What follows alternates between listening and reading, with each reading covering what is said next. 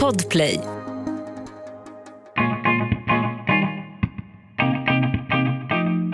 Messiah Hallberg började med stand-up när han blev pappa och på kort tid blev han en av Sveriges mest framgångsrika komiker.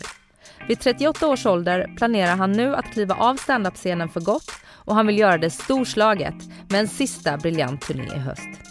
För honom är det dags att hitta andra vägar till att sätta ord på sina tankar. Messiah fick barn tidigt och är idag tonårspappan som tvingas hålla sitt TikTok-konto hemligt för att inte genera sin dotter. Att bli en ung förälder, det var ingen slump då han under sin egen uppväxt oroade sig för att inte få tillräckligt med tid med sin egen pappa. Jag heter Anna Hegerstrand och jag vill önska dig varmt välkommen till min podcast Livshjulet och veckans gäst Messiah Hallberg.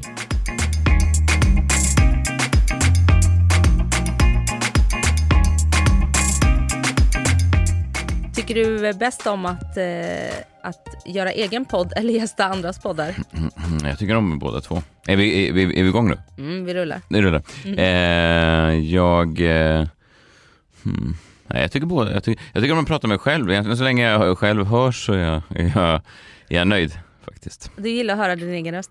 Mm, jag har inte så mycket röst, men jag gillar att sätta ord på mina eh, tankar. Ja. Så. Och det är ju typ det du jobbar med varje dag. Ja, ja precis. Nej, men det, det är väl lite det. Jag fick någon fråga igår. Jag var och körde eh, stand-up eh, i, i Norrköping och så var det någon som frågade bara efter varför jag gjorde standup överhuvudtaget. Var det för publikens skull eller var det för, ja vad var anledningen liksom till att man kör standup? Och så, då, då tänkte jag just på det där, varför, varför gör man det? Men då tror jag att det är samma sak där, att man, man, eller jag tycker om att sätta ord på mina tankar bara. Alltså att få utlopp för, för det man tänker. Jag tror att det är därför jag håller på med allt som jag gör. Mm. Ja. Och stand-up, humorn är ju viktig för dig. Mm. Eh, vad, hur, hur får du in den i livet? Liksom? Vad, vad gör den för dig i ditt liv? Mm, jag tror att, det låter kanske lite pretentiöst, men jag, jag tänker att humor är um, alla säger, det är väldigt få människor som säger att de saknar humor. Det, sådana människor träffar man ju sällan. Alltså, även de utan humor tänker att de har någon slags humor, tror, tror jag. Ja. Ehm, så. Men om man är så här, jobbar med humor eller har liksom en, en väldigt att, att den, då går den liksom som en, en röd tråd genom allt du gör. Så den är med dig liksom när dina barn föds eller när dina föräldrar dör eller när du, alltså det är liksom ett synsätt på livet som är som på något sätt alltid ligger där och, och överblickar allt annat. Eh, så att, ja men det är som en, man, lever och sen så går humorlinjen liksom sida vid sida parallellt med den där. Så att man, det är en, jag vet inte, det är ett sätt att se på livet tror jag. Att även i de mörkaste stunder så kan man försöka hitta något humor som en ventil. Så, så, tror jag. Och jag tror att det är medfött och jag tror att det går ofta i släktband och jag tror att barn kan ärva det. Jag tror att det är liksom som, nästan som en genetisk egenskap att man har en viss, ett visst sätt att använda humor i livet. Mm. Och eh, hur kom du på att du skulle jobba med humor professionellt? Eh, Det var nog egentligen en, en, en tidig livskris. Jag fick um, barn när jag var, eller jag hade, jag hade alltid haft någon, någon tanke just kring det där att jag ville sätta ord på mina mina tankar, alltså jag ville skriva böcker eller jag ville vara programledare eller sådär, du vet, så en, en klassisk eh, tonårig narcissistisk eh, tanke. Liksom. Så du medger att det finns en, eh, en stark narcissistisk ådra i dig? Ja, men det tror jag. Eh, Det tror jag absolut. Men kanske om man säger, om man pratar om fullblodsnarcissister så är de ju inte medvetna om andra människor och de är de, de är inte riktigt medvetna om sina egna känslor. Och, eller, så, så, så, det, jag, har inte det, jag har inte de dragen, men om man, om man lite sån hobby eh, narcissist, alltså lite så Se mig, hör mig. se mig, hör mig, eh, gick på högstadiet och ville jobba med media, typ så. Eh, Så, absolut. Ehm, så, den tanken fanns med mig hela tiden, men, men sen ehm, så fick jag barn tidigt, över 24, och så satt jag hemma och var pappaledig i ett och ett halvt år med min dotter och kände bara att mitt liv hade liksom det låter ju så konstigt när man har fått barn, men det känns som att mitt liv, förutom min dotter då, hade stelnat av väldigt snabbt. Alltså man, jag gick ut högskolan och så hade man alla de här drömmarna och sen plötsligt ett år senare satt man där med barn och Volvo och det var som att livet hade cementerats på bara ett år. Mm. Sådär. Eh, Och då ville jag göra någonting som skrämde mig och då sökte jag till en stand-up kurs, nej inte en kurs, en tävling var det, en, en nybörjartävling i stand-up. Mm. För att det var ungefär det läskigaste jag kunde tänka mig, att stå på en scen och så. Eh, så den, på den vägen är det och så vann jag den och sen har jag egentligen jobbat på. Det här var ju då 13 år sedan. Ja. ja, du fick barn väldigt tidigt. Jag tänker tillbaka själv när jag var, jag är två år, två år äldre än dig. Ja. Jag fyller 40 år, du är 38. Ja. Ehm, att få barn när man var 24, då hade jag mitt första jobb som journalist. Ja. Jag flyttade från eh, Jönköping i Småland till Stockholm och började gå på röda mattan. Och jag hade väl också den här lite narcissistiska, eh, ville synas i vimlet och lära känna rätt människor. Ja. Ja men du förstår. Mm. Och att där slänga in ett barn, det hade nog varit, jag kan verkligen förstå den lilla livskrisen. Typ lite att ja, men nu är livet slut. Ja. Men du, hur kommer det sig att du blev pappa så tidigt tror du? Ehm, ja, rent fysiologiskt, ja men det, Ja, det, det känner du till, det förstår jag. Men, men eh, eh, nej, ja, jag tror om man på något slags undermedvetet plan, alltså om, jag, det, är sånt, sånt här, är- det här är också en grej som jag gillar att göra, sitta och eh, höja upp mina egna tankar till någon sån, sitta analysera mig själv i Då är efterhand. du så- helt rätt podd faktiskt. Ja, ja. Ehm, nej men sånt tycker jag om. Det är det min fru eh, ganska snabbt tröttnar på. Men, jag, men just i poddar så får man ju, det är ju väldigt få som säger åt. Du kan ju klippa i efterhand kanske. Men, men, Ja men exakt, ja. go crazy, lägg ut texten. Ehm, nej, jo, min, min, min pappa han fick mig när han var eh, gammal, eh, över 60. Och, Oj, Ja, eh, och då växte jag upp med den där rädslan att förlora honom hela tiden. Liksom från, från tidig ålder så var jag, var jag rädd att, att, att jag ska förlora honom. Inte för att han var sjuk eller så, men bara för att ja, så, man förstod ju ganska snabbt att det är så livet fungerar. Risken att man dör är ju överhängande mycket större när man är 80 än när man är som de andra papporna. och han gick också bort för 12 år sedan. Ja, ja det gjorde han. Eh, men jag fick honom mycket längre än vad jag trodde. Hade jag vetat att jag skulle få honom till jag var 26 Mm. när jag var barn så hade jag en väldigt massa ångest tror jag. Eh, hade jag sluppit en massa ångest.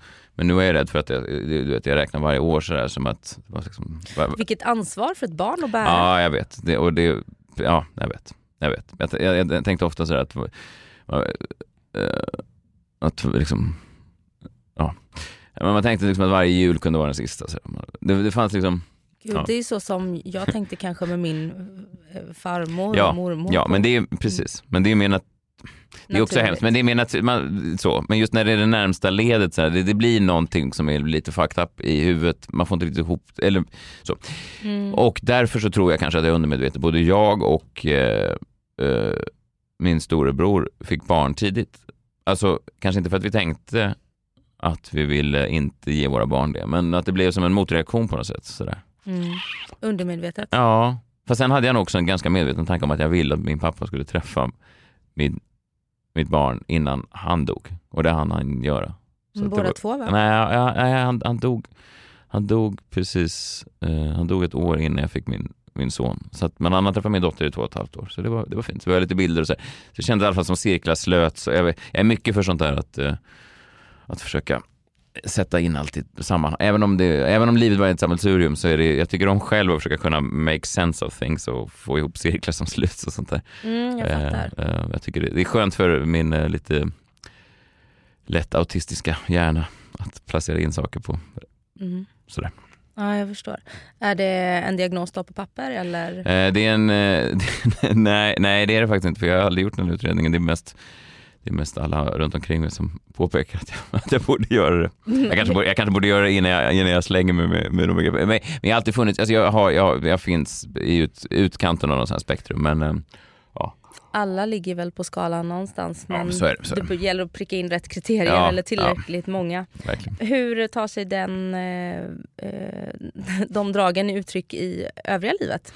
Nej, men jag, bara, jag, jag, jag, eh, jag har ett väldigt kontrollbehov, så jag antecknar ner saker, jag antecknar ner ti- tidskoder när saker händer, jag har gjort de sista 20 åren så där att jag sk- skriver man låter som en dåre, men jag har kalendrar hemma.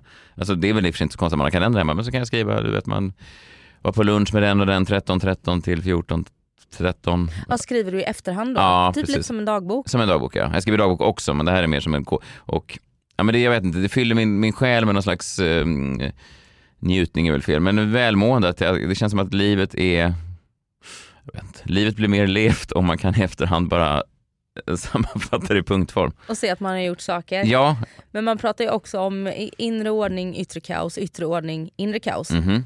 Eh, jag är ju rätt kaosig inombords och behöver därför ha struktur. Eh, och yttre ordning. Ja. Och eh, pedant, li, nästan lite OCD. Ja. Eh, och gillar också det. Jag skriver också in saker i kalendern Ja. i efterhand. Vilket man, man känner sig lite dum när man gör det. För en kalender ska man ju liksom skriva in saker i förväg. jo, jag. Så jag kan relatera till det.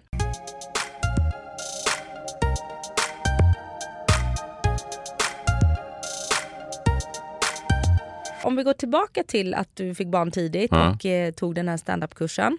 Du, du började som ståuppkomiker 2009 Mm. och blev ganska snabbt vald, alltså fick prisades för din, för din standup och dina prestationer. Vad är det, mm, varför går det så bra för dig? för det är många som är roliga tänker jag. Ja, jo, det är många som är, är, är roliga, så är det. Speciellt nu när all, alla kan vara, alla är komiker så fort man har ett TikTok-konto. Eh, Har du TikTok? eh, jag, jag har skaffat det, men jag måste gå privat varannan dag för min dotter ringer mig och ber mig ta bort det. Eh, Ja just det, du är en tonåring. Ja, jag är en tonåring så att Mm. hon tycker att det är eh, genant med äldre män som, eh, som är på olika barnappar och det kan man ju full förståelse för. Så att hon tvingar mig till och med att ändra mitt namn så jag heter någon så här user 23567 och så här, för att hon vill inte kännas vid då att hennes pappa skulle befinna sig på en sån plattform. Så att, ehm, ehm, ja, varför gått bra? Jo, eh, nej, i början så tror jag att det gick bra för jag gjorde ju tv-debut typ det ja, fyra månader efter jag gjorde min standup-debut så var jag med i ett program som heter Comedy Fight Club på TV3 Just det. eh, och sådär. Så att det, det gick ju, och men, men då var det för att jag var, ett, jag var, jag var bra, det ska jag inte säga, det, det var jag såklart. Måste, man måste vara rolig, man måste vara bra. Men sen var jag också en, en tydlig karaktär då i början. Jag hade så här vit kostym och jag hade eh, backslick och jag var, eh, skojade om att jag kom från Östermalm och sånt där. Eh, så det var en sån tydlig Ja, liksom i en, en palett av 20 män i svarta t-shirts och jeans så var jag liksom en, den enda killen i vit kostym sådär, vilket, eh, ja, Var det medvetet? Ja, eh, det var det. Fast det var också en motreaktion mot att när jag, när jag först var med i den här standup-tävlingen så, så eh, sa folk att det är roligt men du borde, vara, du borde mer skoja om hur det ser ut. För jag ville inte skoja om hur jag såg ut. För jag såg ut som jag gjorde, alltså jag såg ut som en liten ja, små broiler liksom sådär. eh, ja, så jag såg ut ungefär. Men, men Du har eh, lite Östermalmslook fortfarande. ja. Om man skulle ta bort kläderna och så. Ja, ja, du menar det Ja, men kammat hår- mig? Ja men så här, du har en aura av Östermalm. Okej, ja. ja.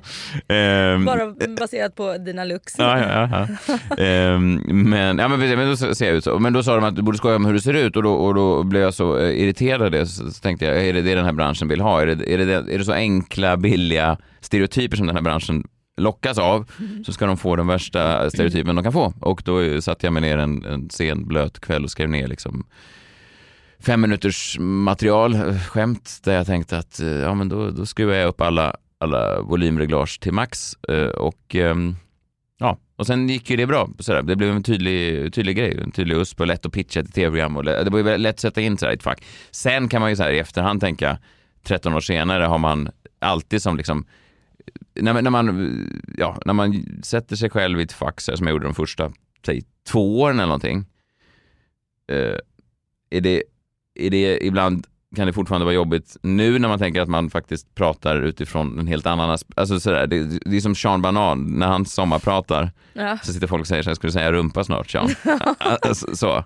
Eh, och eh, det har man väl känt genom de här åren ibland att, att, att det liksom eh, Att du sitter i ett fack. Ja men att man blir eh, Ja men det är, det, är, det, är, det är alltid lätt. Jag, jag skulle säga att jag inte gör det nu för jag har gjort så mycket annat, du vet, poddar och allt sånt där och, och, och show, shower som haft ett helt annat sammanhang. Men, men det var många år som man kände så här, fan kom igen, måste, nu när den tolfte killen ringde för någon serie och ville att man skulle spela en, ja men du vet att det var så här, Ja. det, det här är liksom inte jag så jämt. Eller jag kan göra andra grejer, eller mina, mina intressen är inte att spruta champagne. eller, eller du vet så här. Nej, så det är ju både en förbannelse och en nyckel till framgång. Ja, verkligen. Och speciellt, speciellt i början när man är ingen så är det ju, är det ju eller var det ju såklart bra. Alltså Mm. för, för att ta sig fram för att folk eh, kunde sätta, jaha det är han, den där. Ja, just det. Så. Vad gjorde du innan du gick kursen? Ehm, ja, precis. Det, ja, det var ju egentligen ingen kurs. Jag tror inte vi fick någon kurs utan det var egentligen direkt man fick köra tre minuter. Så Ah, det var liksom en tävling. Sådär. Mm. Så jag gick ingen kurs innan jag började. Men, men eh, jag, när jag var journalist, jag jobbade på Aftonbladet. Ehm, jag gick journalisthögskolan och sen så var jag på Efterlyst, eh, TV3-programmet. Mm. med Hasse och på den tiden GV var där. Och det var också där under den eh, efterlysttiden som du träffade din fru. Mm. Eh, och ni startade 2012 en podcast tillsammans. Yes. Ni två och två andra. Mhm, två Ja. andra, min, min bästa vän och hennes bästa vän. Ja, Maja Herngren och John Wilander Lambrell som också jag gör nu med The Daily Messiah med. just det. Och Mm. den blev väldigt, eh, väldigt populär. Den Mm. utsågs till Sveriges trettonde bästa poddradioprogram. Ja, just. Ja. just. Eh, Geniförklarat hette den. Ja. Ja. Men ni, ni drev den under nästan tre års tid va?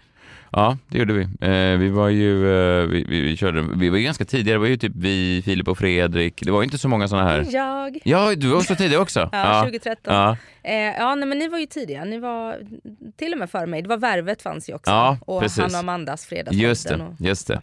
Men det var en, eh, det var en, eh, en tid när det var liksom eh, det är svårare, eller det fin- utbudet är ju större idag bara av poddar i all- allmänhet i Sverige. Så att, det, så att ehm, det var, nej men det var, men fortfarande av alla grejer jag gjort så är det fortfarande, det är en av, sån här få, en av eller få grejer, men en av, en av de grejerna som flest människor kommer fram och pratar om att de har, eller många unga kvinnliga komiker har Sen när de har liksom satt igång en yrkeskarriär har de kommit fram och sagt ja, Kristina och Maja där, geniförklarat att de var sådana Mm. förebilder. Det, det, det är väldigt ro, roligt att höra. Ja, och jag kan säga att när jag berättade att jag skulle träffa dig idag Ja. för mina kollegor som är mellan 20 och 30 Mm. eh, så var det två som direkt så här, ah, vi älskar hans freakshow. Eh. De gillar ju dig överhuvudtaget. Ja, alltså, lyssnar mycket Inte bara. Jakob Öqvist. Nej, nej, verkligen inte. Eh, och, men det känns som att du går hem i den målgruppen yngre män också. Ja, ja, ja precis. men det är, många av dem är nog också att de tyckte att det var kul med hela den här eh, eh, stekaprylen då. Fast freakshow Mm. var ju inte det. Så att, nej, men jag vet inte, jag har väl ett tilltal än så länge. Sen kommer man, det som är läskigt med att åldras är att man långsamt förlorar tilltalet. Man vet inte riktigt själv när man Mm. tappar tilltalet. Man märker plötsligt bara att yngre tycker att det är en gubbe på scen. Alltså du vet, Ja. det, det är inget man själv väljer utan det plötsligt så bara Man själv är fortfarande 20. Ja, exakt. Eh, Men än, än så länge så verkar det vara eh, jag- tror det har lite med utseende att göra också, att jag, att jag fortfarande ser hyfsat ung ut. Jag tror att om man, Mm. om man åldras jättemycket förtid så blir man snabbt en gubbe som, det- det blir obehagligt när en, Mm. vissa skämt och vissa jargonger är, bygger lite på att det känns som att det inte är en farbror som levererar det. Ja, det pratade jag faktiskt med Henrik Fexeus när han gästade mig eh, första gången för typ fem år sedan. Mm. Då, då hade han någon show som handlar om, han har ju skrivit den här Alla får ligga. Just det. Så var han ute och föreläste på skolor och liksom pratade om flörta och så här. Och helt plötsligt från liksom bara ja, men ett år till ett annat så blev han liksom den äckliga gubben när han bjöd upp så här yngre gymnasietjejer att utföra de här Ja. övningarna. Så han var ju tvungen Ja. att sluta med den Ja, men exakt så. föreläsningen. Exakt så. Nu är han ännu lite äldre än dig, typ 10-15 år äldre. Jo, jag vet, men, men det, det är intressant. Det är exakt Ja. det där jag menar. Att man plötsligt bara någon dag kommer känna, "Vad f- nu, nu, nu har det hänt. Nu, Mm. nu kommer det här. Eller du vet, skämt på standup-scenen som man pratar om eh, sex och sånt där. Liksom. Jag tänker så här, ja, än så länge kommer jag undan med det. Mm. Alltså, än så länge så är det okej, men det kommer ju komma en tid när, när, när liksom 22-åriga tjejpubliken tycker att Denna Kan- vita medelålders man Ja. tar för sig. kan han sluta prata om sitt sexliv? Det är obehagligt. så? Ja, och på tal om eh, att sluta prata, eller säga. men ni valde ju att lägga ner eh, Geniförklarat. Eh, och jag läste i en intervju med Amelia, tror jag, Mm. det är ju din fru, Mm. Det var för att det blev lite intimt. Att ni Ja. kände att eh, det var svårt att dra gränsen mellan vad är vårt privatliv och vårt yrkesmässiga Ja. liv. Det var ju, eh, vad säger man, the gift and the curse, eh, Mm. vad säger man på, på svenska? Förbannelse och Ja. Gåva. Ja, ja gåvan.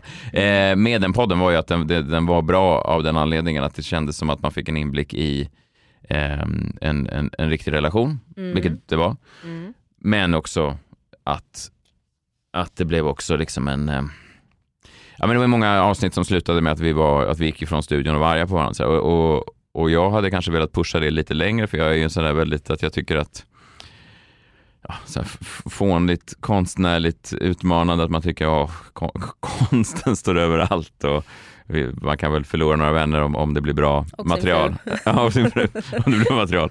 Eh, min fru kände väl inte riktigt likadant och eh, det får man ju respektera eh, och eh, hon hade ju rätt såklart. En podd är inte viktigare än en relation men, men, nej, men så var det. Det var ju, eh, vi kom till en brytpunkt sådär, där det var antingen eller. Samtidigt så har vi också, vi gjorde 75 avsnitt av den och folk är alltid så här, ah, ni borde återförenas och så här. Och ja, fast också det är alltid det där med att fånga anden i flaskan och så här. Det, det var bra. Alltså band som återförenas, vill man se vill man se Kent igen eller är det ganska härligt att Jocke Berg nu släpp, ska släppa solomaterial så att det blir någonting annat som man, kan, som man inte håller på att jämföra och sådär. Mm. På ett sätt så känner jag mig ganska nöjd att vi gjorde ett perfekt avslut och sen gick vidare. Ja, och det är ju ett par poddar sen också. Mm. Eh, sen så eh, startade ju du året efter Freakshow med Jakob Ökvist. Yes. Ja, ni la ner den podden eh, på grund av något bråk, mm. eh, har man ju läst om. Mm. Mm. Eh, och nu är du fort med Bauer Media och mm. du, nu är du på Bauer Media. Mm, jag vet, jag vet. Ja. Det, är väl, eh, det finns väl någon form av hyckleri i det där kanske. Men, eh, nej men så här, det var, det var Grejen var att jag jobbade ju på en, en radiokanal som också är på Bauer Media. Det finns ju, man ska vara tydlig med Bauer Media är liksom som en paraplyorganisation som har massa olika undergrupper och det finns olika radiokanaler och olika chefer och hundra olika chefer och mm. sådär.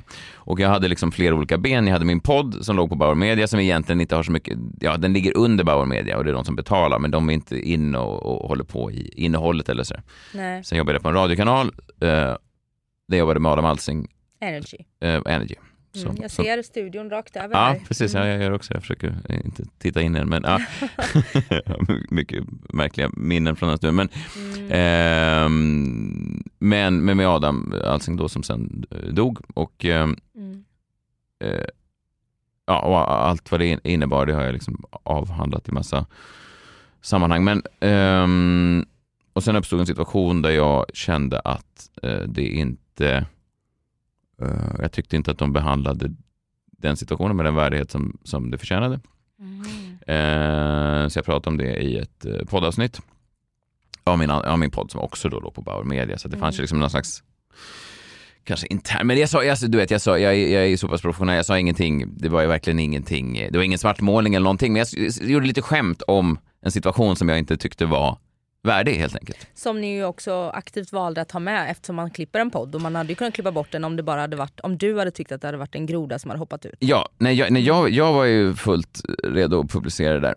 Mm. Eh, eftersom jag själv klippte avsnitten så visste jag exakt vad som... ja. ja. Eh, nej, men jag, och, återigen, jag hade suttit och skrivit det där i tre veckor just med tanke på den känsliga situationen och allting så jag visste exakt hur, hur, mm. hur jag ville formulera det. Så pass professionell är jag. Sen då så fick jag eh, höra att eh, eh andra människor då inte kunde publicera det här avsnittet mm. av någon anledning. För de sa att de tyckte att det här var inte okej. Okay. Mm. Och då sa jag, kan jag klippa om det? Och då sa nej det är omöjligt att klippa om. Och då sa jag, hur kan det vara omöjligt att klippa om? Mm. Um, säg bara vilka meningar som ni tycker ska bort. Så, ja, i alla fall. Jag förstod att det var en känslig situation och då blev jag... Um, um, nej men då kände jag mig så... Um, jag tycker ja, så kan inte jag jobba riktigt, att folk in, eh, går in och hanterar material på det sättet. Eh, utan, utan att kunna motivera det på, på den mm, mm. Så då, eh, nej, men då la jag ner podden och så sa jag upp mig från Energy. Och eh, sen, ett år senare startade jag en ny podd på Bauer. Men för lite andra chefer och sådär. Och de cheferna som jag inte var helt nöjd med är väl kanske inte helt eh, Antingen är de inte helt kvar eller så har vi rätt ut det som, som var. Ja, mm. och det här var ju också under pandemin som du sa upp dig från Energy och la ner din podd. Mm. Och om det handlar ju den showen som du ska eh, ut med nu i höst, var på mm. turné yep. med Saja Hallberg, ett livsverk med humoristisk touch. Just det, man får inte glömma humor. Nej, nej, men såklart. Nej. Eh, och det står eh, på biljettsidan så står det i fokus ligger de personliga och tuffa insikterna eh, jag fick med mig under pandemiåret. ja, och vilka mm. var det? Ja, vilka var det? Nej, men Förutom det... att du gjorde dig själv arbetslös. ja, nej, precis. Det är tufft att ta några pengar. ja. ja, det var en insikt. Eh, nej, men en annan insikt var... Nej, men det, så här, det är alltid med standup. Det är en, det är en jävla avvägning där. För det är, man ger publiken lite, vilket ofta är kanske lite kvickare, lite enklare skämt. Mm. För det är det publik ofta vill ha när de går på standup. För de tänker, haha, nu, nu vill vi skratta. Så. Mm. Men från mitt håll så tycker jag att det är mer givande att prata om saker som faktiskt är, känns lite på riktigt. Ibland är det samma sak. Ibland kan ett enkelt snabbt skämt ändå säga någonting om någonting, hur man mår eller så här. Ehm, men ofta så är det inte kanske de skämten som själv är särskilt givande, utan de är liksom som lite extra ja, sås till biffen eller lite godis eh, efter grönsakerna. Alltså. Eh, men eh, så, så, att det kommer vara, kommer vara roligt och lite snabbt och lite fånigt också såklart, för det är humor. Men eh, någon slags skelett för showen var lite det här vad som hände, i och med att jag såg vad som hände med Adam när han gick bort. Mm. Eh, och vad man lämnar efter sig som underhållare. Eh, och att det inte så att det, ja, det tar avstamp i det och sen så drar jag lite paralleller till min pappa som var en stor skådespelare på hans mm. begravning som var nästan folktom förutom jag och min mamma och eh, ja, lite andra konstiga dårar som dök upp, men det var ganska lite folk där. Varför då? Eh, nej, men för att han hade väl gjort sig Ja, dels var han gammal, så många hade väl dött, men, men, men han var också gjort sig ovän med massa folk. Han var en, en eh, kuf på många sätt, min pappa. Men, men det fanns någonting, massa konstiga typer som dök upp på den här begravningen som jag aldrig hade sett i hela mitt liv. Och så, och, eh, um, så, så, att, ja, jag drar lite, lite snabba, paralleller kring det. Mm. Och det är väl lite skelettet. Och så, sen, jag går också in i den här showen med tanken på att det, att, att det troligtvis är min sista längre standup show som jag gör. Så att det är liksom det som är, det här är, ja, det blir som min, min karriärs begravning på ett sätt. Um, ja, det är tanken. Ja, jag förstår. Varför tänker du att det här ska vara det sista du gör? Du jobbar som standup-komiker och är 38 år gammal. Ja, jag vet. Men gre grejen är att man, det här är min tredje fullängdstimme. Mm. Och jag hade som mål när jag började att göra tre timmar som kunde, man kunde lägga upp och jämföra med alla andra i den här branschen, historiskt eller framtida. Liksom, det, här är, det här är min legacy, det här är mina tre timmar. Så. Och, mm. Eh, ja, men som en utmaning till alla andra komiker i den här branschen också, att ja, men försök, eh, försök toppa det här, eller slå det här, eller göra någonting som är bättre än det här. Och om, om det går som det ska så känner jag att jag har lagt ribban ganska högt. Med all respekt för alla andra komiker i den här branschen. För det finns jättemånga som är jätteduktiga. Eh, mm. Men man känner alltid att man behöver nya utmaningar. Jag känner mig kanske, jag älskar standup när jag väl står på scen men, men det, är, det är också väldigt slitsamt. Det är liksom en... Eh, det, sen är det också, lite som jag är inne på, det är, inte, det är inte alltid det ger exakt det man vill ha. Jag, jag, jag tänker, jag vet inte, jag skulle vilja prova kanske något annat forum. Jag vet inte exakt vad än, men ett annat uttryckssätt. Ehm, det är, så många, det är så långa processer att få fram de här showerna. Det är liksom år av att resa runt och eh, finmejsla material och sen ska man hitta någon båge och sen ska man hitta lite återkopplingar och sen så ska man stå där och eh, genom, lägga ut sig själv på scen så där, för det tycker jag är, finns, det är väl en del av charmen med att, att man faktiskt riskerar någonting när man står och kör standup. Mm. Uh, jag skulle inte kunna tänka mig något värre. Nej, Tänk nej. om ingen skrattar. Ja, och, det, är ja, men det är ju en aspekt, att ingen skrattar. Det är ju hemskt. Mm. Och, och, det är hemskt när man bara drar eh, snabba eh, penisvitsar och eh, alltså en enklare typ av direkta skämt så är det hemskt. Ja. Eh, och ännu värre är det om man så att säga drar in saker som faktiskt eh, betyder något på riktigt och ingen skrattar. Men ja, du har gjort två, två föreställningar tidigare. Mm. Missförstådda profeten och Senare ur ett äktenskap. Yes, den, ja, precis, den första ligger på Netflix och den andra ligger på SVT Play. Just det. Um, vilket är kul. Då får de lite, lite längre livslängd vilket är, ja. är kul. Och då tänker jag, du och Kristina eh, och era vänner la mm. ner eh, Geniförklarat 2015. Mm. 2019 släpper du, eller turnerade du med Scener ur ett äktenskap. Mm. Hur mycket blottar du ert privatliv i den? Jättemycket. Mm. Men du bollar också rätt mycket med din fru i ditt jobb va? Ja, det gör jag. Det gör jag. Eh, och hon var med och skrev delar av den också. Eh, av den scenshowen.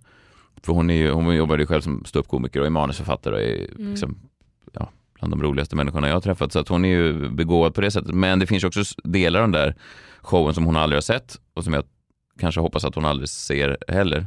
Mm -hmm. uh, Varför då? Nej, men för att jag tänker att... Det blir uh, tufft hemma.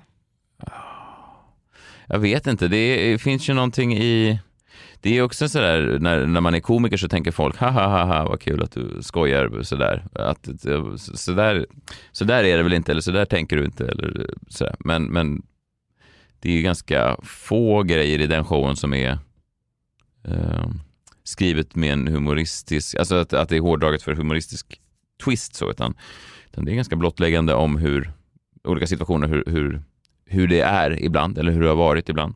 Mm. Eh, så, så att Jag vet inte, folk är väl alltid, liksom, det var ju som så här, inga jämförelser i övrigt, men, men liksom, när, när Knausgård skrev min kampserie så var det många vänner som sa så nej nu tänker jag inte vara vän med dig längre för jag vill inte bli uttänkt på det här sättet. Mm. Lite så är det ju även när man gör en standup-show. Alltså, om, man, om man pratar om situationer med riktiga människor så finns det ju en risk att de människorna tycker att vänta nu, så där gick det inte till eller även om det gick till så måste du... Så är det ju from your point, Ja, point of ja, ja. Stämmer du av med folk innan? Eh, nej, nej det gör jag inte faktiskt. Har du förlorat vänner? Eh, ja, alltså, man- ja, det har man nog gjort. Men, eh, det har jag gjort, men, men det som är bra med mig är att jag har inte så, jag har inte så många vänner från början heller. Så, att de, nej men, men jag har kanske fem, fem vänner och de har jag än så länge inte, jag tror inte jag har sagt något, eh, jag tror inte jag har sagt något sådär. Eh, jag har ändå någon slags gräns, eller jag tänker ju fortfarande att jag är inte dum, jag vill inte såra någon. Så, så att jag, Hur tänker du? För du, du pratar ju öppet liksom om, om relationen Mm. eller din, Mm. ditt äktenskap. Mm. När det kommer till dina barn, skulle du kunna ta in dem i ditt content som du gör? Mm, ja men det har jag också gjort ganska mycket. Det börjar bli lite problematiskt nu när min dotter då är tonåring. Mm. Eh, så att nu har jag väl, eller nu kommer jag inte, jag har något litet skämt i nya showen om henne sådär, men då är det mer, För det kan jag tänka att det finns mycket att skämta om. ja nej, men verkligen, det gör det. Och, och när de var små så fanns det massa skämt som, och det, mycket roligt, roligt i, i senare äktenskap är just om barnen. Så här. Men när de är små kan jag tycka det är fine. Fan, såklart att barn säger roliga, såklart att det finns roliga saker när de är barn. Men sen när de kommer upp i puberteten och så, här, så blir det ju någonting annat. De, de får ju mer, de har liksom, mörka saker som blir roliga. Ja, och precis. Och de har ju en egen livssituation helt plötsligt som de måste hantera. Och det, det är väl, då kanske man inte vill bli uthängd av sin pappa på scen. Sådär. Eh, så att, ehm, eh, men, men nej, men de figurerar där. Men, men, men eh, ett skifte har verkligen skett där nu när hon har blivit äldre. Att, att, det, att det blir, ska man säga, en, ja, en kanske mer respektfull, det har man väl alltid försökt vara respektfull mot sina barn, men att man, man har det mer i åtanke. Att man tänker, man tänker på henne som en, en egen, nästan vuxen individ och att hon liksom förtjänar den, att man verkligen tänker efter innan man uttalar sig om henne. Mm. Du, om det här är den kanske sista standup-showen du gör och Mm. du vill ha nya utmaningar. Mm. Eh, du har ju gjort många saker tidigt i livet. Du Mm. pappa till exempel. Mm. Gift dig eh, och har en karriär inom det du ville. Mm. Eh, och startat flera framgångsrika poddar, Mm. drivit eh, radioprogram. V- vad vill du göra framöver? Du har ju ändå... Ja, grejen är jag vill ju fortfarande, alltså jag, jag är ju fortfarande i mina ögon en misslyckad eh, författare. Det, är- det, det, jag, det är det jag har på mitt CV. Eh, Jag vill, jag vill skriva böcker, det är det jag vill göra. Vad Men är det för böcker? Nej, ja, alla, alla möjliga böcker. Jag är väldigt bra på att starta och skriva böcker. Så skriver man så halva böcker och sen så sen blir de liggande. Det är det som är skönt med stand-up, där är processen, ja det tar en väldigt tid att få ihop shower, men från Mm. liksom idé till du kan stå på scen är ju ibland eh, eh, en minut liksom. Det sa faktiskt när jag träffade Fredrik Söderholm. Mm. Eh, så sa jag, ja, men har inte du funderat på att skriva en bok? Mm. Eh, och så sa han, "Ja, men det, det är en sån lång process att skriva bok och, och det, du når liksom inte så många och de ska köpa den här boken. Bättre att göra en poddserie i tio delar som kan nå flera hundratusen Mm. om man vill. Mm. Jag vet, jag vet. Ja, Eh, nej, vad men- är det just med skriva bok då som är... Nej, Jag, jag, jag, har alltid bara sett mig själv, även om jag aldrig gett ut en bok som en författare. Jag älskar, eh, jag, jag, jag bara kär i idén av eh, författarkulturen, av eh, romantiseringen av yrket, av, Mm. eh, jag älskar att sitta och skriva, det är liksom nästan det bästa med standupen också, att sitta och skriva. Eh, jag tycker om att sitta, eh, ja men du vet, i 15 timmar och bara knappra på tangentbordet. Allt det där. Eh, eller när man skriver, nu håller på med en tv-serie, så håller jag på att skriva manus och sånt där. Allt det där när det kommer igång, när det kreativa ruset kickar in och så kan man sitta i fyra timmar och bara slösurfa och sen så plötsligt så bara händer någonting och sen så, äh, så, så kommer all den där kreativa kraften och så bara knapprar man ner det.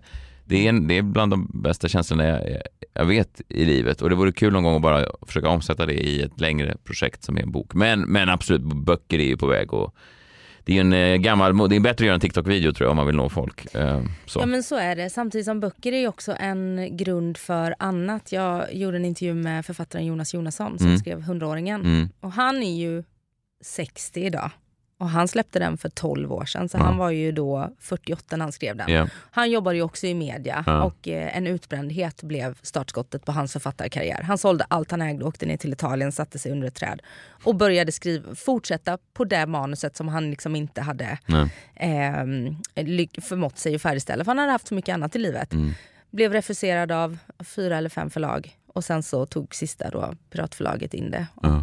ja. Ja. Det går bra för honom kan vi säga. The rest is history. Ja. Ja, men, Men- lite så. Men- man gillar ju också det att just, ehm, det finns ju komiker som, för det har jag tänkt på också mycket, hur länge är man ehm, relevant, alltså rent, um, alltså åldersmässigt. Jag, ja, det finns ju artister som, jag menar Bruce Springsteen är fortfarande fantastisk och han är väl, vad är han, 72 eller någonting. Mm. Och eh, Mick Jagger. Ja, men, ja, men det, och det finns ju komiker också som kan vara, som George Carlin höll väl på fram till han var 72 och så, också. så det, det, det går ju, men, men som författare känns det som att det, du kan faktiskt vara i din prime hela vägen fram tills du dör nästan. Alltså det, Mm. finns någonting fint i det, att, man kan liksom, att det är ett yrke att åldras i, Ja. så, på ett sätt som, som komiker ändå är det finns ju någonting, man kommer inte ifrån det där, men att om man plötsligt inte längre ser ut som man gör, som man borde, alltså om, ja men du vet när Eddie Murphy går upp 30 år senare och och folk tänker sig nu ska, nu ska det bli kul att se Eddie Murphy och så tänker man så han ser inte ut som han brukar, men nej det var för det var 30 år sedan han stod på scen. Exakt. Ja.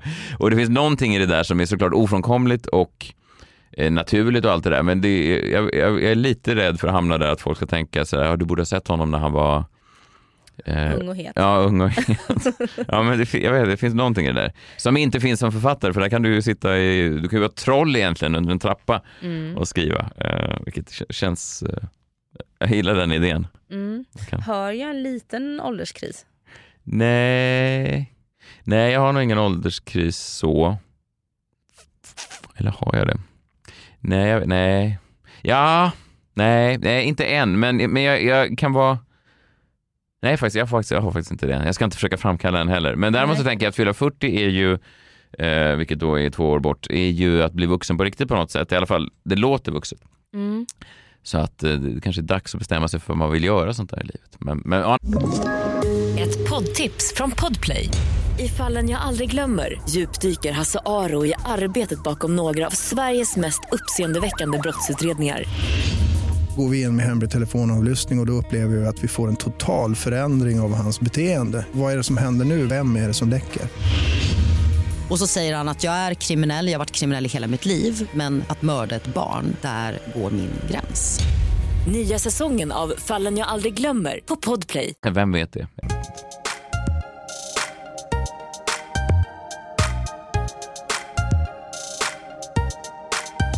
Men din fru är också äldre än dig. Hur många år? Ja, hon är nio år äldre. än vad jag är. Ja. Mm. Vilket också kanske var en anledning till att du blev pappa tidigt. Ja, jo precis. Hade jag haft en, hade jag haft en, eh, en, en yngre tjej så hade, hade hon kanske inte...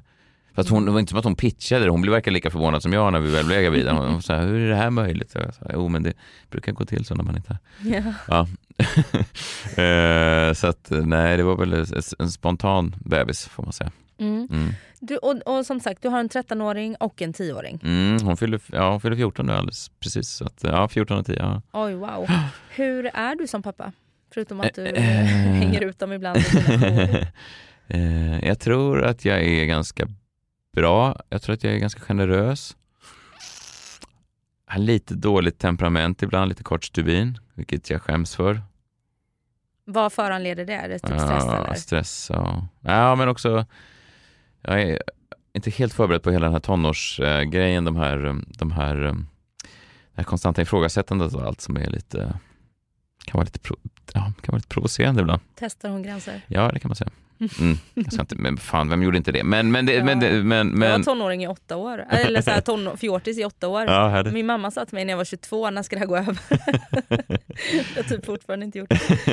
eh, nej men så att ehm, så, men nej men jag tror att jag är faktiskt snäll och eh, gosig och jag försöker försöker ta så mycket tid som jag kan från, från eller jag försöker vara så, ja, så mycket som jag kan med dem såklart. Och, så här. och man tänker att eh, de här första åren var man ju så, de, kunde kännas så långa ibland just för att det var så mycket Ja men allt med sömn när man stod i de här parklekarna klockan 05 på morgonen och så Man tänkte gud hur länge varar det här egentligen? Men, men sen hände någonting och sen plötsligt de här sista fem åren har bara gått så, uff. Så jag känner nu verkligen att jag försöker ta vara på all tid som jag har för att, med dem. För att um, det här när folk säger att det går så snabbt hela barnaåren att ta vara på det där. Det, det, det, är ju inte riktigt sant hela tiden för de här första tre åren går inte särskilt snabbt tycker jag.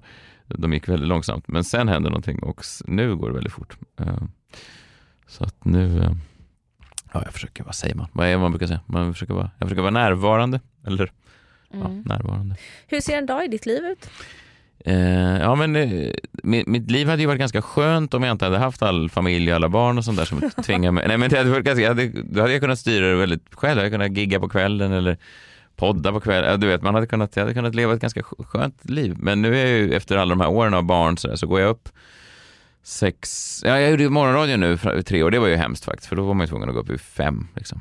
Så det var, ju, det var ju vidrigt. Men eh, nu då, säger jag att jag går upp 6.40, eh, sätter på kaffet, eh, väcker mina barn, kör dem till skolan vid 7.30. Uh, ja, typ så. Och mm. sen... Uh, och sen åker till jobbet? Ja, precis. För ni kör The Daily Messiah varje dag? Ja, det gör vi. Ja, inte på helger vet jag. Nej, nej, men varje vardag, eh, varje vardag så, så sänder vi ett avsnitt som... Så det är din liksom fasta punkt, det är ditt fasta och sen så har du jobbar med, ja, med din föreställning. Nu. Ja, precis. precis. Eh, det är ju någonting alltid när man gör någonting varje dag så att man tänkte att det skulle vara så här lite fritt. Det blir ofrånkomligen så när man gör någonting varje dag så blir det ändå lite av ett jobb och när man är ankar och så, mm. när man liksom, så att det, blir ganska mycket ändå. Eh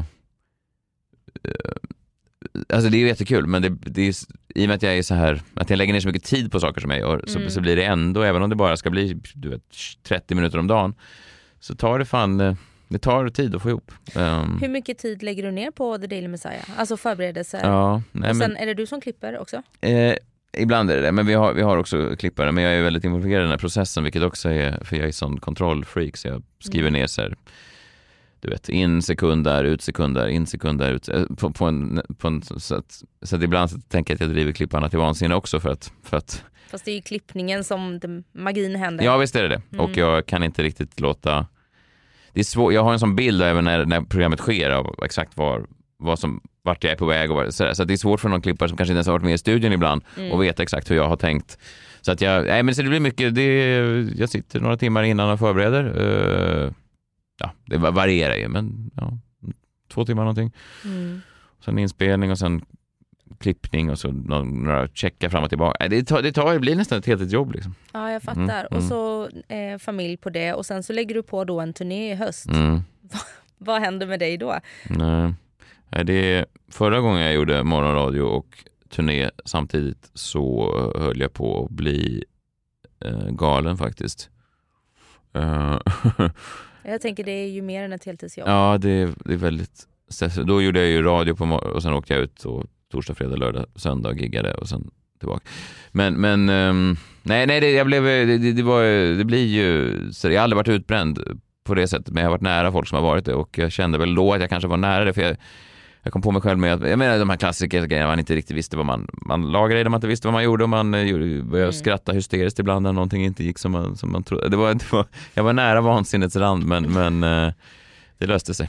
Ja. Mm. Så att jag vet faktiskt inte men uh, ja, det blir nog bra. Den här podden är ju, är fortfarande min lilla bebis om jag ska vara ärlig, så att jag kan styra jag kan spela in på distans. Jag, kan, det, det, jag tror inte att det är samma stresspåslag som att behöva stå faktiskt i en studio 05 05.30 varje morgon. Liksom. Och det var ju också, hur många timmar var morgonradio? Ja men precis, det var ju, ja det är fyra timmar och sen är det också ja, chefer som tycker att det är härligt att man måste sitta kvar och Ja just det, lite möten och sånt. Möten ja.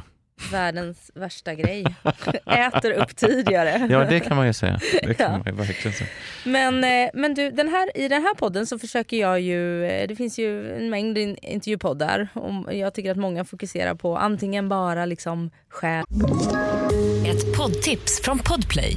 I fallen jag aldrig glömmer djupdyker Hasse Aro i arbetet bakom några av Sveriges mest uppseendeväckande brottsutredningar går vi in med hemlig telefonavlyssning och, och då upplever vi att vi får en total förändring av hans beteende. Vad är det som händer nu? Vem är det som läcker?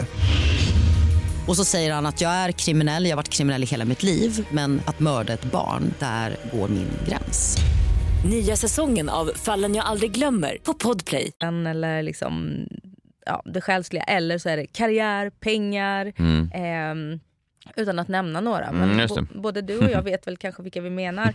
Jag försöker hålla lite så här, eh, allting tillsammans. Mm. Hur får vi ihop livet egentligen? Ja. Och eh, ofta så är det ju liksom hur vi mår, våra relationer och liksom vad vi, vad, hur vi trivs med oss själva som är till grunden för vad vi kan prestera. Eh, och så. Och om du skulle välja, och det är ganska svårt att få ihop hela det här livet. Det är alltid Mm. någon del som haltar eh, när någon annan är stark. Och jag tänker för en person som dig som går in så nitiskt i det du gör. Ja. Eh, vad skulle du säga nu är den delen som du eh, är minst nöjd med och som du behöver improve? Mi- Minst nöjd? Ja. Vi kan ta mest nöjd med också sen. Mhm. Vi sparar det bästa. Men eh, nej, eh, jag kan tycka just nu så är det varit lite stress för min, min fru har ett ganska hektiskt... Jag måste säga, jag, jag säger fru alltid, vi är faktiskt inte legalt gifta, eh, så vi är egentligen bara sambos. Um, så att jag har faktiskt ett riktigt äktenskap kvar. Det står ju fru ofta. Ja, men det är för att jag säger fru. För att vi är Ja, så. det är så. Ja, men vi är faktiskt inte legalt gifta. Jag inte bara ha det on the record. Men ni är eh, illegalt gifta? Ja, vi lever ju som gifta. Så att jag tänker det är rimligare att säga fru än att säga sam, sambo eller tjej låter så omoget. Vi är ändå 40 år. Ja, jo. Men har du funderat på att eh, ta det till the next level då? Ja, men det är väl det jag har kvar, så någon gång ska jag väl gifta mig. Men, eh, men jag, jag, är lite, jag är lite allergisk mot hela giftermåls... Eh, eh, proceduren, eh, sådär, hela det här, det här klassiska. Jag vet inte, det är någonting som skaver. Jag, jag, jag, jag är liksom uppvuxen i en... Jag, min upp, jag är uppvuxen i en familj där det var liksom lite så här... Hmm, vad ska man säga? Det var inte... Det var väl trevligt, men det var inte perfekt hela tiden. Det var inte... Det var lite Mm. ruffigt sådär. Det var liksom... Det var ingen, ingen alkohol, eller det var inte sådana grejer. Det var inga som slog varandra, men det var liksom lite så här... Det var inte så här harmoniskt hela tiden. Det var liksom lite... Folk höjde rösten och sådär. Bråkigt. Ja, men det kunde varit bråkigt liksom. Hur är det hemma hos er då? Ja, men det kan också vara lite sådär upp och ner. Men, men, men bättre än, eller lugnare än vad det var hemma när jag, där jag växte upp. Men, men, men, eh, men, men, men just då när man är på, så här, på, på bröllop och alla låtsas som att allting är helt perfekt och att alla står så här helt väna och eh, Åh, vad fina de är. Och det, jag, jag vet inte, det kryper i mig, jag klarar inte av det. Så att, eh, om jag gifter mig någon gång så vill jag inte, jag vill inte att det ska bli så. Sen ibland går man på bröllop som känns lite mer levande, som att det finns liksom en, en nerv i det. Och det, det finns ju folk som har Att man är där för partyt liksom? Ja, men, ja, men, ja, ja precis. Eller att det finns liksom bara en... Jag vet inte, det finns någon reva i den där perfekta bilden. Som, som, och, och vissa har ju fina sådana bröllop och det tycker jag är härligt. Mm. Eh, Så kanske något sånt. Mm. Ehm, just det, var var jag? Jo, eh, min fru jobbar, eh, nu sa jag det, min fru, ja, min fru, min sambo, hon jobbar nu ganska mycket och jag jobbar ganska mycket. Så vi har liksom inte hunnit se så mycket, man går liksom runt varandra hela tiden. Det tycker, Mm. jag, det tycker jag är tråkigt. Att man, kommer, man bara är sådär taxitjänst till sina barn och sen kommer man hem och så sover hon eller så sover jag. Alltså, Mm. det där att man Ni bara... behöver ses för att relationen ska vara bra? Liksom. Ja, ja, men det är bara mysigt att vara vakna tillsammans. Liksom. Mm. Att inte bara gå om varandra. Eller så jag, du vet, ute, jag, jag kör till Örebro och hon ligger hemma och sover. Eller Mm. sådär. Det, det är bara... Ja, så det, det har det varit de här sista månaderna. har varit lite tråkiga på det sättet. Tycker Mm. Mm. Men ni har ändå varit tillsammans väldigt länge. jag. Mm. Hur gör man för att eh, hålla liv i relationen för att den inte ska gå sönder under småbarnsåren inte minst? Ja, man dricker mycket vin tror jag. Mm. Nej men eh, jag vet inte, fast vårt relation, eller vår- min, min show där handlar mycket om att den faktiskt höll på att gå sönder flera gånger. Så. Mm. så att eh, jag vet, vet inte om jag är någon, någon exemplarisk. Vad var det som gjorde då att, att den inte gjorde det? Mm, jag tror att vi i grunden eh, älskar varandra mycket. Och tycker om varandra mycket. Mm. Så.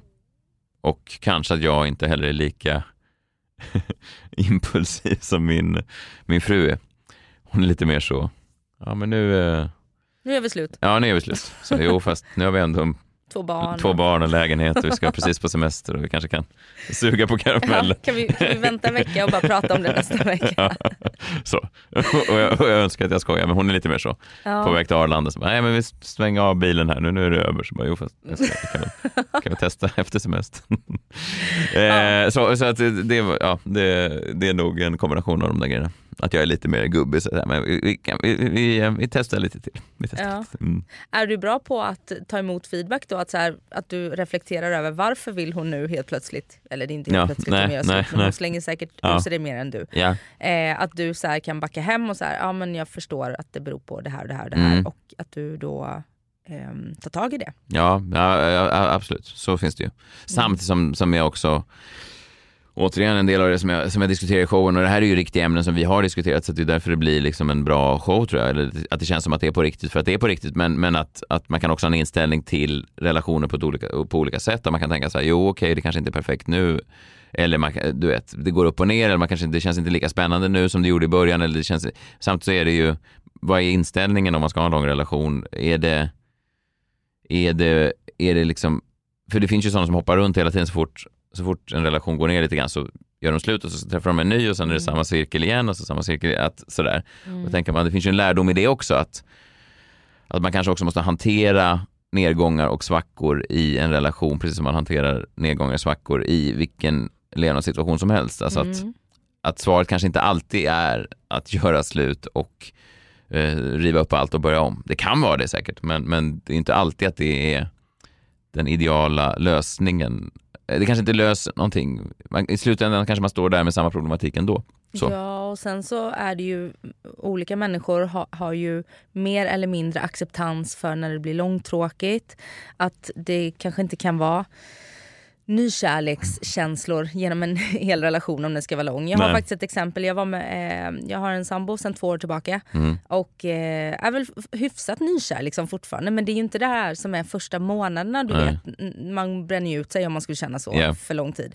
Och vi var i Köpenhamn där han har bott och träffade hans kompis och hans nya tjej som varit, de har varit ihop i fyra, fem månader. Mm. Och man bara, du vet, vi sitter bredvid varandra och är ju vana att vara det paret som är nykära. Yeah. Och sitter och tittar så här med händerna i varsitt knä uh. på hur de bara kan inte sluta ta på varandra. Uh. Och, och, när vi gick hem, jag bara Förstår du hur mycket de ska hem och ligga med varandra nu? Uh. Så, så vi var ju så här, vi måste slå dem typ. så vi var så jävla nykära hela Köpenhamnresan sen. Det, var, det blev verkligen så här, vi får inte lämna det här stadiet. Sen fattar jag ju att vi kommer behöva göra det. Yeah. Men eh, jag är ju lite så, så att jag ja, men blir stressad när det blir tråkigt. Yeah. Och då hittar jag någonting att bråka om yeah. så att det blir kaos och sen så blir man sams yeah. och sen är man typ nykär igen. Okay. mm. det, så att, ja, nej, jag är, nog kanske mer lite som din fru, så här, att ah, men nu måste vi göra slut eller så måste det hända något. Eh, och min sambo lite mer som det. Ja. Ja, det jag... jag... tror att generellt sett om man får vara könsstereotyp känns det som att den här generationen ja. nu är så att männen sitter lite så här, jaha, vad, vad ska, ska du Ska vi göra slut nu? Det känns som jag hör bara kvinnor som lämnar alla sina män och män förstår ingenting. De bara, jag trodde vi var... Kan det ha någonting med att göra med det här eh, jämställdheten och att kvinnor jobbar mer men också drar mer eh, lass i hemmet? I ert fall verkar det inte vara så. Du var ju föräldraledig väldigt länge. Ja. Så. Eh, sen har jag ingen insyn i er Nej. vardag på det sättet. Nej, jag kan ju ljuga, jag kan ljuga blint här. ja, jag får bjuda hit henne och så får hon eh, köra en fuck you right back. eh, ja, nej men det kan det absolut göra. Jag vet, jag, man vet inte vad det beror på, men jag, bara, jag känner att det, det, om man drar en sån där eh, anekdotisk bevisföring från alla, alla människor som jag känner så känns det som att det är 90% av fallen så är det kvinnan som har fått, tycker att det är tråkigt och vill lämna medan mannen känner så här, men nu är vi väl ihop tills vi dör, inte, var inte det det som var avtalet? Ja, jo eh, men så är det ju. Ja, speciellt kanske i storstadsregionerna, vad vet jag, men det känns som att det, att det, mm. att det är så. Det finns så mycket som lockar här nu. Ja, men jag, jag, vet inte vad det beror på, men det känns som att det sitter en hel generation av män som inte förstår varför de, varför de blev lämnade. Det kanske är en bok du ska skriva, fundera över, eller en ny show då. Om du bestämmer dig för det. Um, och nu så skulle jag vilja att du också väljer den delen som du trivs bäst med, så att vi skickar med uh, de som lyssnar här lite så här, pepp. Mm. Um, mm. Eh, jag är ju alltså, jag är ju, jag är ju en, en glaset är halvfullt kille, så jag är ju lite så här dystopisk och lite neggig. Jag, jag, det är en grej som vi pratar om ofta, jag och min fru, att jag ofta går runt och gnäller hemma på saker som inte är idealt och inte är perfekt. Och, mm. Du vet, går, uh, går podden så här bra så är jag sur för att den inte går ännu bättre. Eller har jag sålt så här många biljetter så är jag sur för att någon annan har sålt ännu fler biljetter. Alltså, så här, det är liksom ett konstant gnällande. Mm. på mig. Eh, ja, det är charmigt drag jag har. Eh, så. Men, men vad fan, jag, är ganska, jag, tycker att jag tycker generellt sett att jag är på en ganska bra plats just nu. Det känns som att jag är ganska fri. Jag har hela mitt liv letat efter en, en känsla av frihet, att man styr sin egen eh, sitt, e-, sitt eget öde låter ju så jäkla dramatiskt, men sin egen dag då, att den är ganska sådär, förutom allt pusslande med mina barn, så är den ganska, jag, jag, fanns, jag jag har det här programmet som jag är stolt över och jag ska sätta upp en, en stand-up show som jag förhoppningsvis blir stolt över och att jag är liksom lite min egen herre i det där. Och mina... skapar ju dig egna möjligheter ja, hela tiden. Ja, och, och det är jag stolt över och det är jag glad för.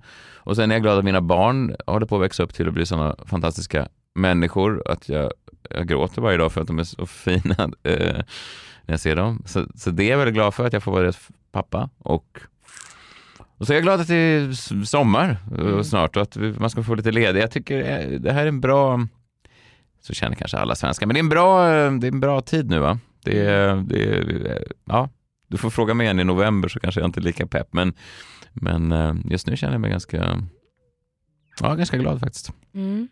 Och så tänker jag då om du är glaset halvfullt eh, i höst, mm. har, har, du en hård piska eh, så att du, ehm, eh, för du har lagt ribban väldigt högt. Mm. Eh, har du en hård piska som berättar för dig att nu måste du lösa det här och nu måste det bli slutsålt och nu måste du leverera. Mm. Så att, eller kan du bara också njuta av att... Nej, nej det gör jag väl. Jag, kan, jag njuter även på mina egna turnégig. Säg att man är ute i 50 gig så är jag nöjd med kanske 20 av dem. 30 av kvällarna går jag hem och är bara så här, fan vad, vad, vad jag sög idag. Eh, inte för att jag gjorde det, inte för att jag tänker att, jag vet ju någonstans att det som jag säger är, är bra, men det, jag är väldigt, men det, det tänker jag också är någonting som har gjort att jag faktiskt har haft en, en viss framgång i det här yrket, att jag är det finns jättemånga dåliga komiker som går upp och är ganska dåliga och sen går de av och så säger de fan vad jag, vilken succé det var ikväll. Sådär. Mm. Eh, och så tänker man, ja okej. Okay. Okej, okay, ja visst, fine. Om du känner så så är det väl kul för dig. Men då, jag är verkligen tvärtom. Att jag kan, man kan gå, fast det kan bara vara att man tycker att man, energin var konstig i rummet eller att man själv inte var fri i tanken eller att man kände sig statisk eller att man levererade sitt manus med eh, en viss intonation som man inte tyckte, det är på den nivån som jag känner. Mm. Eh, så. Eh, så att, nej jag är ganska den där piskan är, är ganska hård. Men, men och en det, ganska stor del av din drivkraft kan jag tänka. Ja, verkligen. Sen är ju frågan, är det någon som i slutändan ens förutom jag själv eh, tänker på just de här små nyanserna. Det vet jag inte. Och det är också en anledning till att jag tänker att jag ska lägga av med standup. För att standup är det är underbart och det är härligt och det är kul men det är liksom en, en, konstform i Sverige som är sett som liksom en sån här pausunderhållning där folk sitter och är lite halvlulliga och vill klappa händerna till mm. enkla skämt. Liksom. Och det är ju det det är. Men det finns inte den här kulturen kring standup som det finns kanske i USA eller England där det liksom är som en där det är som en vedertagen kulturform. Mm. Här är det liksom, det är alltid att det, att det är, mm, man ses lite som en sån dansande apa på scen. Uh, uh, ja men du vet, ja, förstår du vad jag menar? Ja. Någon slags jävla O'Learys-underhållning sådär. Och, uh, du känner att du börjar bli vuxen och börjar bli tagen på allvar? Ja, jag tror att mina pretensioner kanske bara är, är, är, är större än att vara liksom, ja, en komiker bland andra komiker sådär. Mm. Men vi får se. Jag ska, vad, fan, vad, vad, vet jag? Men det är i alla fall, jag går in i showen med den föresatsen. Sen får vi se vad som, vad som, vad som händer. Ja, vad spännande. Ja, men jag, det... Eh, jag ska gå och se den. Ja, gör det. Verkligen. Ja. Och det är premiär i oktober. Det är premiär första oktober i eh, mm. Växjö, sen i Göteborg den 2 oktober. Mm. Mm. Stort lycka till och tusen tack för att du ville gästa mig. Ja, kul att vara här. Ja, hej då. Hej, hej.